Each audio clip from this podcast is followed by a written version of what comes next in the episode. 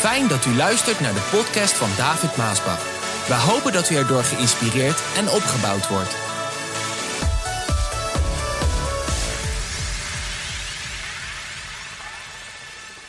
We hebben het gehad over uh, Abraham en Lot, twee weken geleden. We hebben het vorige week gehad over Abraham en Isaac. En ik wilde vandaag eigenlijk gaan naar Isaac en Rebecca.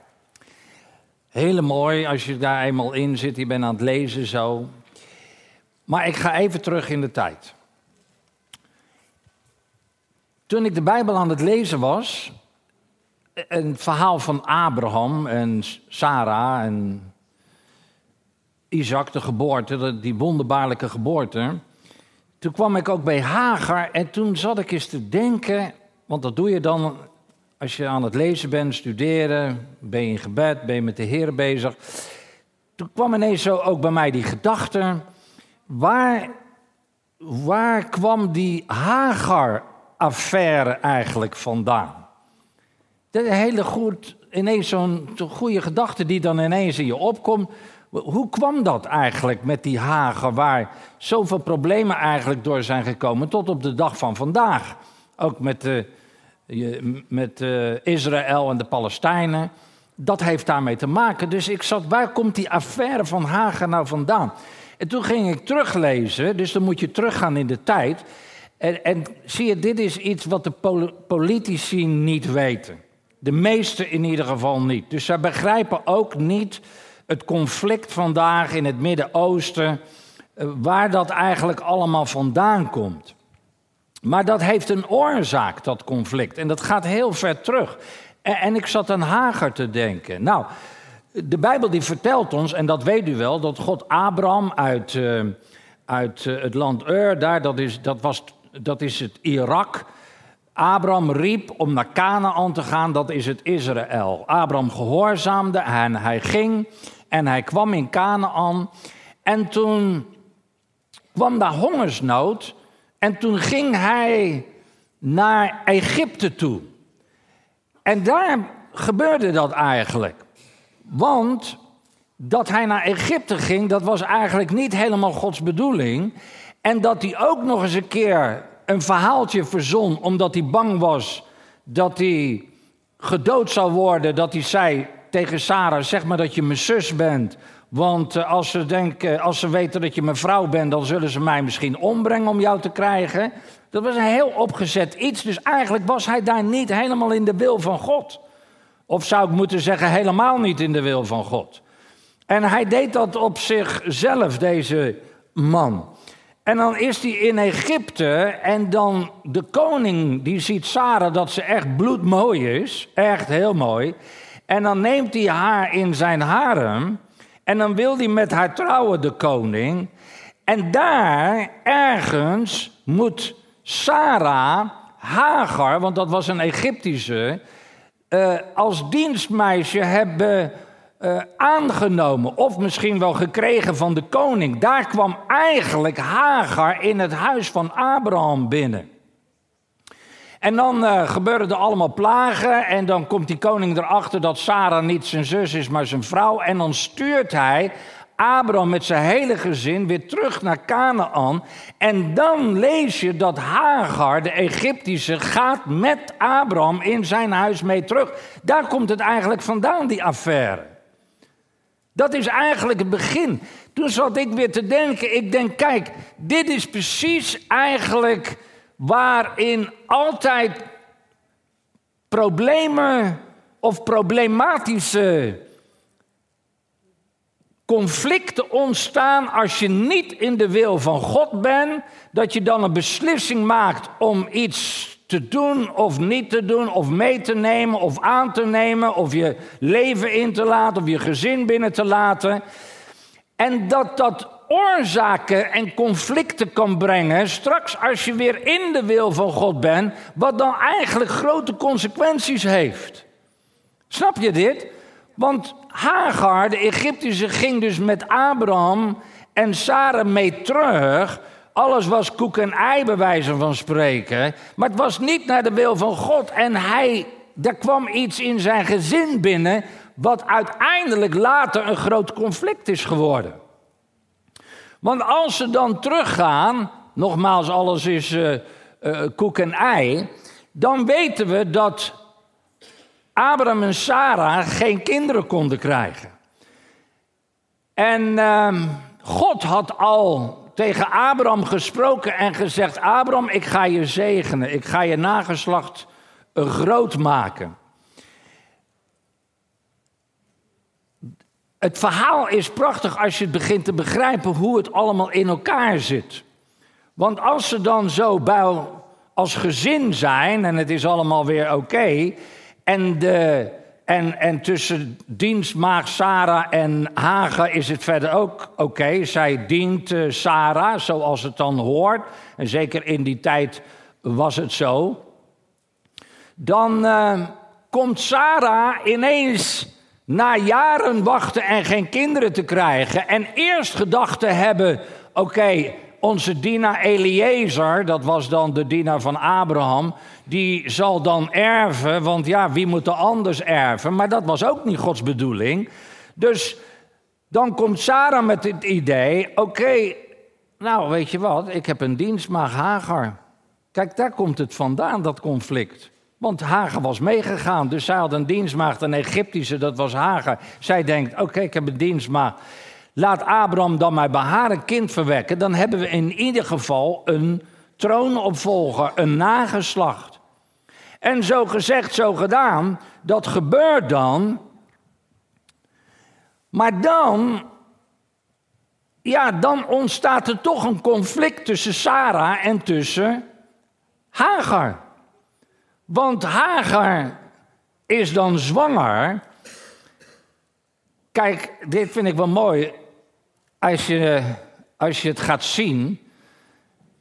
Want Hagar die begint natuurlijk nu te denken: oké, okay, Sarah kan geen kinderen baren met Abraham.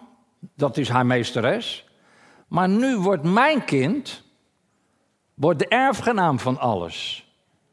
Snap je? Dus zij begon eigenlijk, die verhouding begon te veranderen tussen Sarah en Hagen. Want Hagen begon, ja, zo'n houding aan te gaan nemen, zo'n geest kreeg zij, dat zij het nu wel was en dat het dan ging om haar kind. En dat veroorzaakte een soort niet fijne relatie tussen Hagar en tussen Sarah.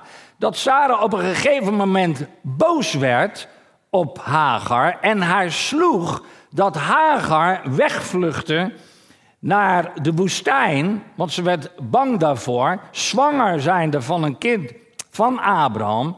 En als ze dan in de woestijn is bij de bron op de weg naar Sur, dan ja, wondert ze daar. Ze weet niet wat ze moet doen, waar ze heen moet gaan.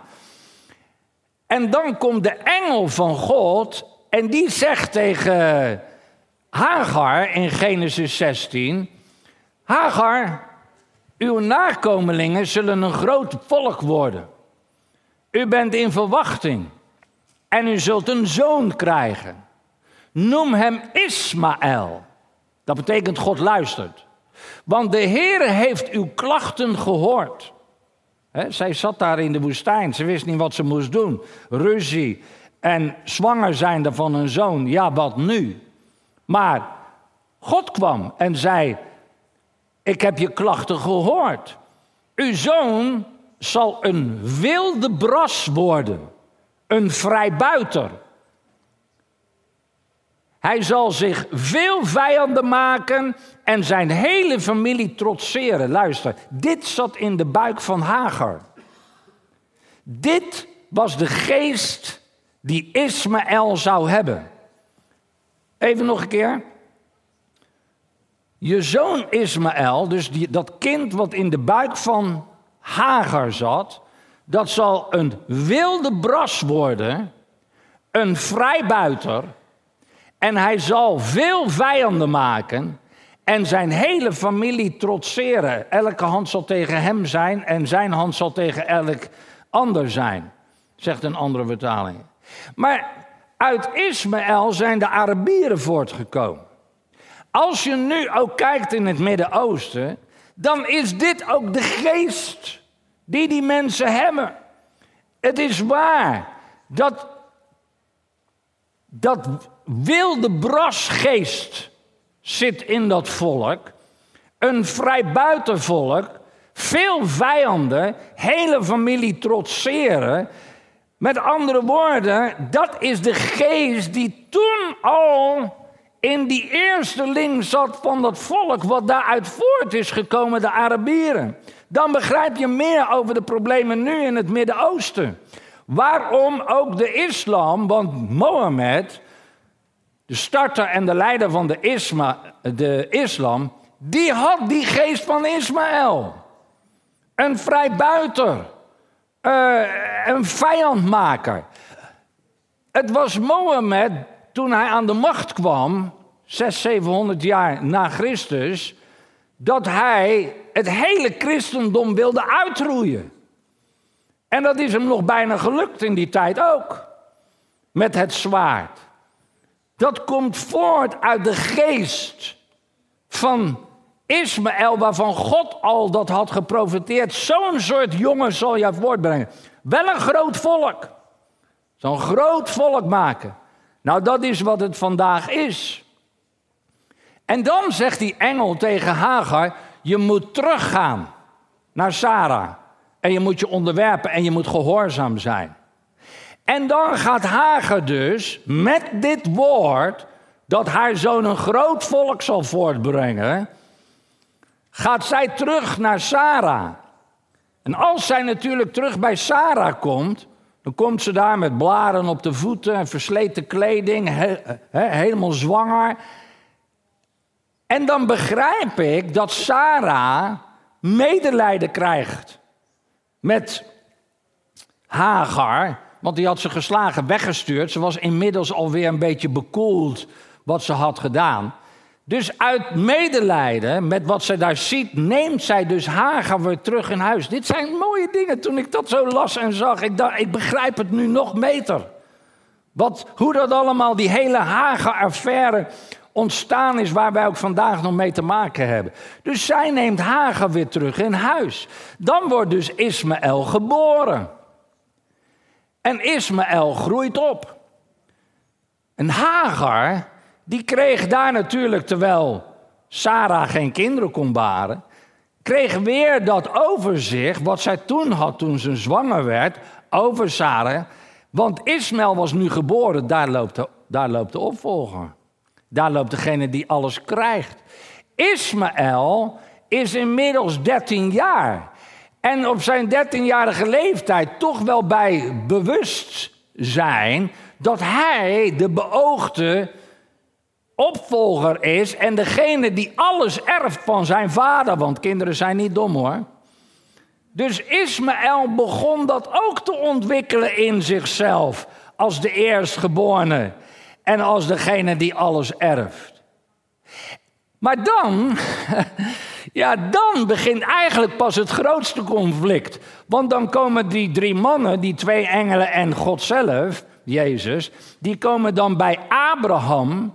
En God had al gezegd dat hij hem een groot volk zou maken, maar niet door Ismaël.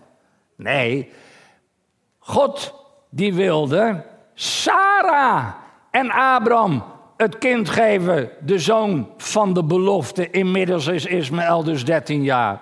En dan zegt de engel tegen Abraham in Genesis 17: Abraham, ik zal u heel veel nakomelingen geven, onder vele volken.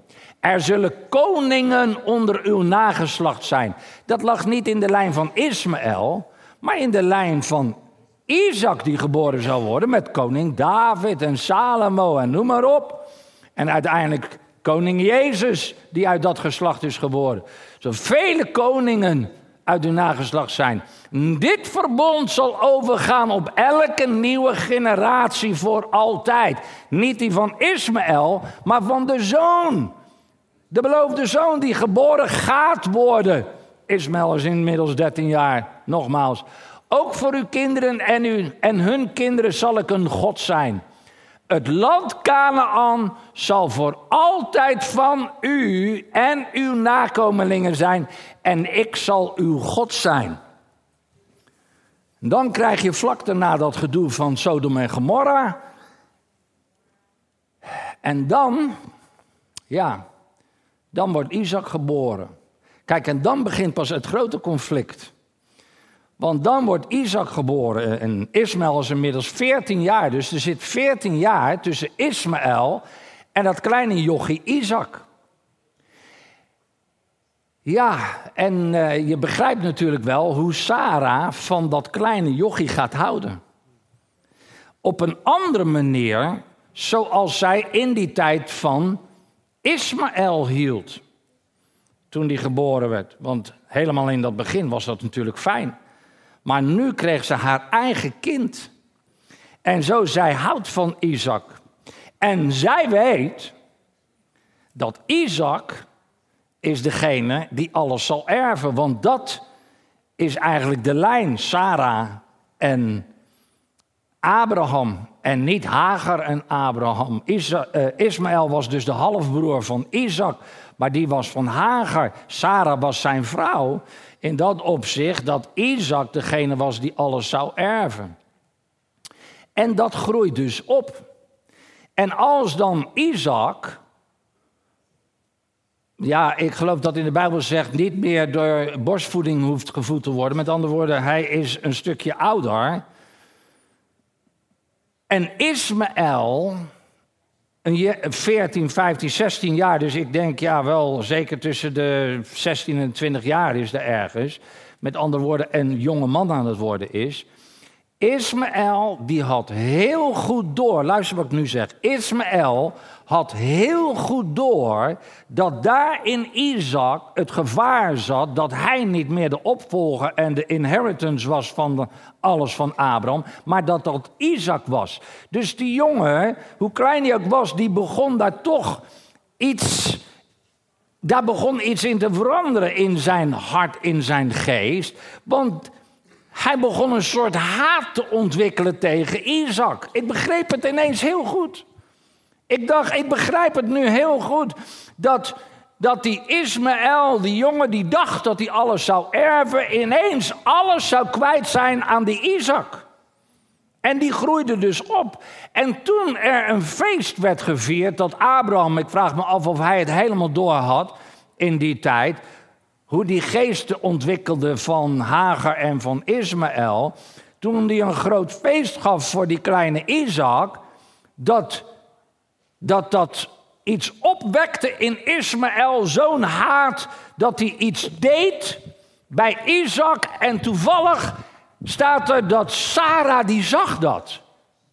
Kijk, het was niet zomaar bij Sarah dat zij toen zei tegen Abraham: Abraham, ik wil dat je hem wegstuurt met zijn moeder. Er gebeurde daar, er, was er, gebeurde daar iets op dat moment dat zij de grote haat van Ismaël ten opzichte van Isaac zag en voelde.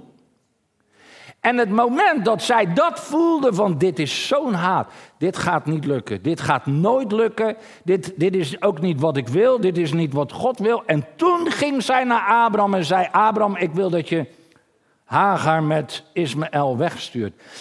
Toen ik dit las en begreep, toen begreep ik ineens waarom en hoe groot de haat van de Arabieren ten opzichte van de Joden zijn vandaag.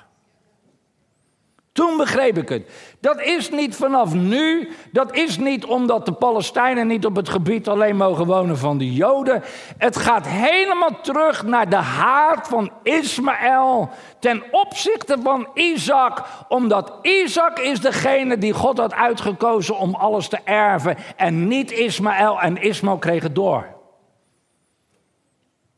En dat is eigenlijk de haat die je vandaag ook ten opzichte van de Palestijnen tegen Israël ziet.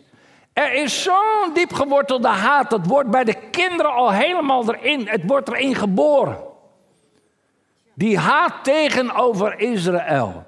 Dat is dezelfde haat die Ismaël tegenover Isaac had. Er is zo'n groot verschil tussen die twee broers, Ismaël en Isaac. Alles wat Ismaël is, is Isaac niet. Als je dan naar het verhaal van vorige keer luistert, hoe Abraham Isaac op dat altaar legt om het aan de Heer te geven. En Isaac die zich vrijwillig aan daar overgeeft. Ik durf je te zeggen dat Ismaël had zich nooit op dat altaar laten leggen zoals Isaac zich op dat altaar had laten leggen. Nooit. Daarom is het ook weer een leugen dat de islam die viert dat grote offerfeest. Doen ze ook in Nederland. Dat is heel groot. Dat offerfeest, dan vieren zij hoe, is, hoe Abraham Ismaël op dat altaar legde. En daar eigenlijk een plaatsvervanger kwam. En dat die plaats inneemt. Vandaar dat hun dat offerfeest vieren. Nederlandse politici zitten er zelfs aan te denken.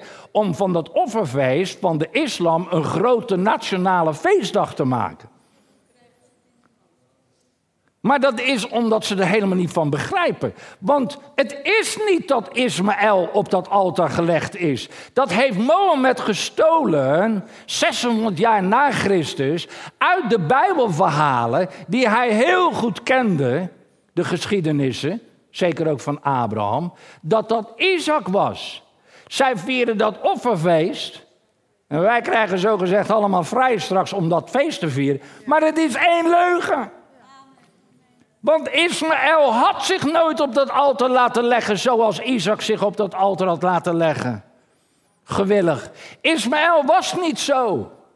Ismaël begon een hele grote haat juist te ontwikkelen ten opzichte van Isaac en uiteindelijk de Joden die daaruit voortkwam. Als je deze dingen gaat begrijpen, dan begrijp je dus meer van de hele situatie en waarom het vandaag ook is zoals het is. Nou, dan wordt hij natuurlijk weggestuurd en dan krijg je dat prachtige verhaal tussen Abraham en zijn zoon Isaac. Maar daar mag u de boodschap voor uh, beluisteren en de titel dat is, bent u bereid te offeren datgene wat de Heer wil dat u hem offeren zal? Mooie boodschap. Maar dan als Abraham dus ouder is geworden, echt oud is geworden, want hij was al 100 toen hij Isaac kreeg en Sarah 90, dat was dus een groot wonder. En Isaac groeit dus op, wordt een jonge man. Als je dan het leven van Isaac bestudeert, dan zie je, hij was niet zo'n. Hij was geen slappeling, dat was hij niet, maar hij was ook niet zo'n. zo'n ja, uitbundig figuur. Hij was niet bang, maar hij was ook niet dat hij optrok om zomaar de boel uh, in gevecht te gaan met anderen. Hij was meer van, nou heer, u, u ziet het maar. Een keer werd hij daar aangevallen bij de bron. Toen dacht hij, jullie zoeken hem maar uit, neem het maar. Ik trek wel weer verder en ik zoek wel weer wat nieuws, want de Heer zal voorzien. Zo'n soort man was Isaac eigenlijk. Maar wel een man van God was hij. Net als zijn vader Abraham. Zijn vader Abraham was natuurlijk uh, heel oud al aan het worden. Isaac was nog niet getrouwd, inmiddels een jaar of zestig. Ze werden toen wat ouder in die tijd. En dan denkt Abraham nog, hij denkt, ja, maar ik wil toch wel dat dat nageslacht en dat mijn zoon Isaac een goede vrouw krijgt. En laten we eerlijk zijn, wie van ons ouders denkt dat niet? Dat mijn vrouw of mijn uh, zoon of mijn dochter een goede vrouw of man krijgt. En zo Abraham, die gaf uh, opdracht aan Eliezer, zijn knecht, om naar, terug naar Ur te gaan, zeg maar het Irak te gaan, waar hij vandaan kwam. Want daar, dat snappen sommigen ook niet, maar daar geloofden zij in de God van Abraham. Het was dus hetzelfde geloof. Want het Canaan waar hij nu woonde, dat waren nog allemaal goddeloze mensen.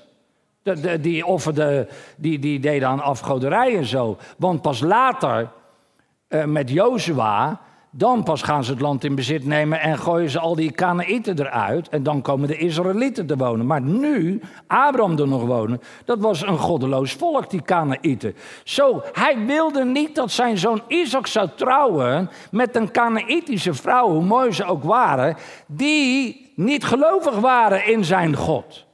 Dat is waarom hij Eliezer terug naar Irak stuurde. Om daar, waar ze geloofden in de God van Abraham, een vrouw te vinden voor zijn zoon. En dan gaat Eliezer, die gaat dus terug. En als die dan terug is, dan bidt hij dit geweldig mooie gebed. En dan zegt hij, och heren, God van mijn meester, bad hij. Wees goed voor mijn meester Abraham. En laat mijn opdracht slagen. Ik sta hier bij de waterput. En de vrouwen van de stad zullen zo water komen halen. Laat het alstublieft zo zijn dat het meisje, aan wie ik vraag, kunt u mij iets te drinken geven, dat doet en gelijk aanbiedt om ook de kamelen te drinken. Laat dat het meisje zijn dat u, dat u voor Isaac hebt uitgezocht. Dan weet ik wat u wil. Ik vraag mij af hoeveel papa's en mama's er zijn die zo'n gebed bidden voor hun zoon of dochter. Dat ze eerst, want kijk, Abraham, het huwelijk of het, uh, ja, het huwelijk van Isaac en Rebecca, dat is een soort rolmodel voor een huwelijk ook vandaag. Niet ouderwets. Isaac had een geweldig huwelijk met Rebecca, wat gewoon een goed model staat voor ons van vandaag. Eerst gaat Abraham hem sturen naar een plaats dat hij zegt: het moet niet zomaar een, een wereldling zijn, het moet een gelovige zijn. Jezus heeft ook gezegd: trek geen ongelijk juk aan. Jonge mensen, ga niet bij ongelovigen dat je daar een man en een vrouw vindt. Trouwens, ouderen ook, als je nog single bent. Zorg dat het iemand is uit het christelijke geloof. Zorg dat ze een christen is, of hij. Dat is wat je ook hier ziet. En dan bid. Hij bad tot God. Oh God, dat, dat het het meisje zal zijn die u heeft voor Isaac. Niet wat hij mooi vindt en bla bla bla. Nee, wat u voor hem heeft. Ook met mannen dat ze rijk zijn en, en, en, en, veel bezitten en zo. Nee, Heer, ik wil graag de man die u voor mij heeft. Heer, ik wil graag de vrouw die u voor mij heeft. Die u lief heeft op de eerste plaats. Nou ja, het verhaal gaat dan verder. Toen zei ze, inmiddels hè, kwam Rebecca aanlopen. Toen zei ze: Ik zal voor uw kamelen ook water putten, net zoveel tot ze genoeg hebben. En ze leegde haar waterkruik in de drinkbak voor de kamelen en liep terug naar de waterput om meer water te halen. Dat deed ze net zo lang tot de kamelen genoeg hadden. Er werd aan dat gebed verhoord. Toen wist Eliezer, dit is het meisje wat God heeft bereid voor Isaac. Dat is haar. Ze is niet lui. Hallo. Je wil geen vrouw die lui is, die nergens zin in heeft. Ofwel mannen. Nou, het is wel doodstil nu. nou, als je alleen bent, dan weet ik wat je zegt. Maar er is ook zoiets in dit rolmodel. Een, een, een meisje die, die voldoet aan, aan, aan, aan plicht of aan dingen die niet lui is. Maar die de Heer ook lief heeft. En dan gaat zij uh, alles te drinken geven en Eliezer wist het. En dan gaat het verder. En de Heer heeft mij meesterlijk gezegend, want Eliezer, dat was ook een zakenman. Ik denk dat Abraham, dat God Eliezer heeft gebruikt om ook Abraham rijk te maken, want hij was een hele rijke man. En Eliezer was een goede businessman, uh, maar een christelijke goede businessman. Zie je, dat is wat anders dan een hebzuchtige businessman. Maar Eliezer was dus een businessman, dus die kwam dan daar bij uh, de de broer van uh, Rebecca bij haar huishold, zeg maar daar. En uh, dat ging een beetje anders dan nu hoor. Dus hij zegt, de Heer heeft mijn meester rijk gezegend, zodat hij rijk en bekend man is geworden. De Heer gaf hem veel schapen en runderen, goud en zilver, slaven en slavinnen en kamelen en ezel. Sarah, de vrouw van mijn meester, heeft hem op hoge leeftijd nog een zoon gegeven, die al zijn bezittingen zal erven. Nou, dat was hoe Eliezer Rebecca uit dat huis mee wilde nemen naar uh, Abraham. dus hij wist wat hij wilde zeggen, die alle bezittingen zal erven. Nou was dat niet voor Rebecca het allerbelangrijkste, maar Laman die had ineens eurotekens in zijn ogen. Laban en eh, Betuel antwoorden: Het is duidelijk dat de Heer hier de hand in heeft. Dus wat moeten wij nu nog zeggen? Neem haar maar mee en laat haar de vrouw van uw meesters zoon worden, van Isaac dus. Want zo wil de Heer het. Bij dat antwoord viel Abrahams dienaar op de knieën voor de Heer. En daarna haalde hij zilveren en gouden sieraden, prachtige klederen voor Rebecca. En ook haar moeder en haar broer kregen kostbare geschenken. Ja, jonge mensen, als je een beetje papa en mama wil hebben van uh, je vriend of je vriendin, dan is het goed om een bloemetje te kopen voor je aanstaande schoonmoeder. Om er iets uh, aan te doen. Nou, hij deed dat dus allemaal.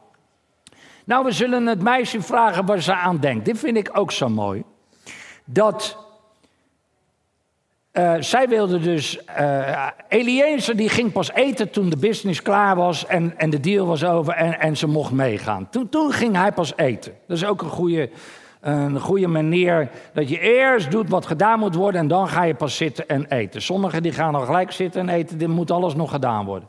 Beter andersom. En dan zegt hij dus dat hij de volgende morgen gelijk weg wil gaan. En dan zegt uh, Laban, die zegt, nou wacht nou even, misschien nog eventjes wachten. Maar laten we haar vragen. Wat zie ik hier aan? Daar zie ik aan dat het een vrijwillige keuze moet zijn van het meisje of de jongen om met je te trouwen. Want Laten we het meisje vragen wat zij ervan denkt. Dus riepen zij Rebecca erbij. Wil je met deze man meegaan? Dat is toch een hele goede, mooie vraag. Wil jij wel trouwen met dat meisje? Wil jij wel trouwen met die jongen? Want papa en mama kunnen dat allemaal wel willen. Hè? En dat gebeurt nog in veel landen zo. Maar ik geloof, dit staat veel meer in het rolmodel van God. Dan dat we het pre-arrangen, zoals in veel landen. Dat je maar moet trouwen met het jongen of meisje wat papa en mama leuk vindt. Nu werd het gevraagd aan Rebecca: Wil jij wel met die man meegaan? En toen zei, toen, eh, toen zei zij: Ja, ik zal met hem meegaan. Hier was zij zeer duidelijk in haar persoonlijke keuze. Ja, ik, ik wil. Ik, ik ga met hem mee. En toen namen ze afscheid van Rebecca en zegenden haar met de woorden: Onze zuster, mogen jij de moeder van miljoenen worden en mogen je nakomelingen al hun vijanden overwinnen.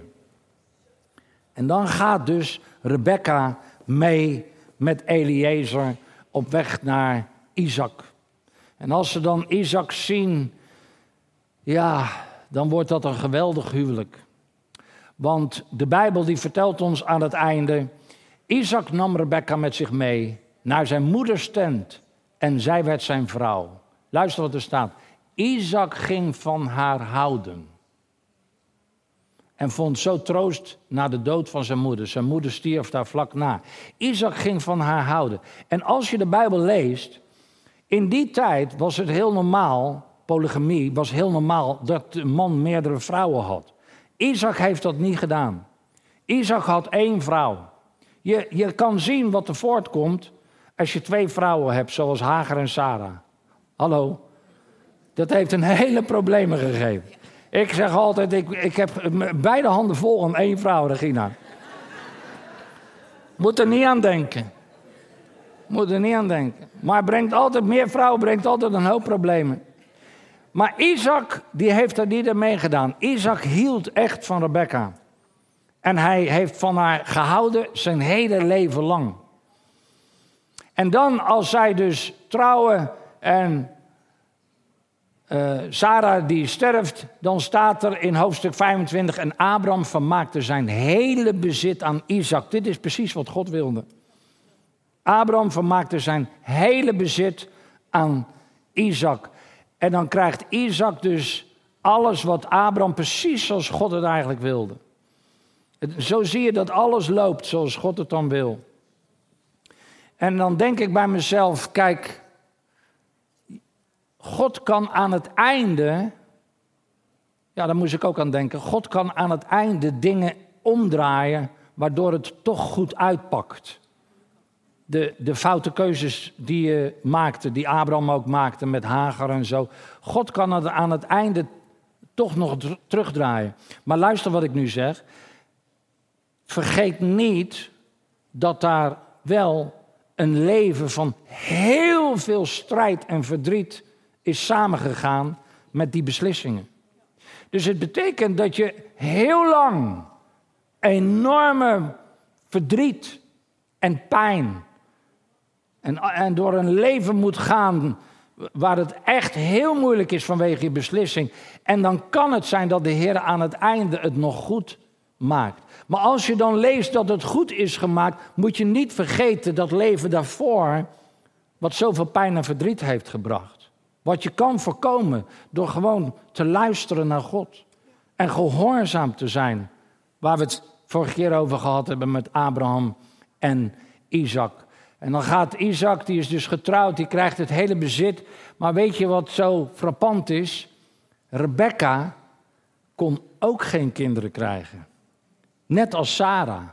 En dan is hij al een heel aantal jaren getrouwd met Rebecca. En dan verlangen hun ook, net als Sarah, naar een kind.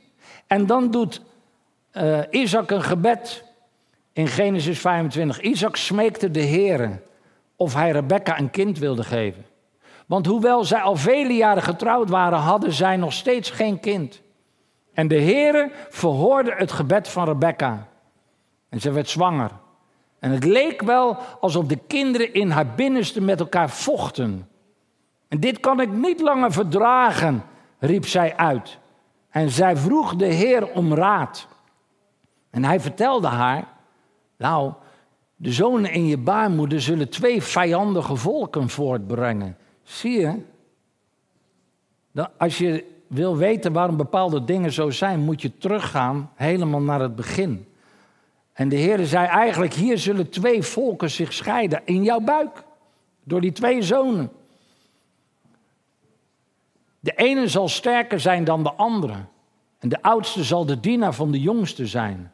En inderdaad, Rebecca beviel van een tweeling. Het eerste kind dat werd geboren was overdekt met rozig haar. En het leek wel alsof hij een haren mantel aan had. En daarom noemden ze hem Esau. Direct daarna kwam het tweede kind ter wereld. En het hield zich stevig vast aan de hiel van Esau. En ze noemden hem Jacob. En Isaac was 60 jaar bij de geboorte van de tweeling. De jongens groeiden voorspoedig op. Esau werd een uitstekende jager. En Jacob was een stille jongen die liever thuis zat. Esau was Isaacs lieveling, omdat hij altijd wild mee naar huis nam. Maar Rebecca had echter een zwak voor Jacob. En dan komen we eigenlijk bij het verhaal van Esau en Jacob. Maar dat een andere keer.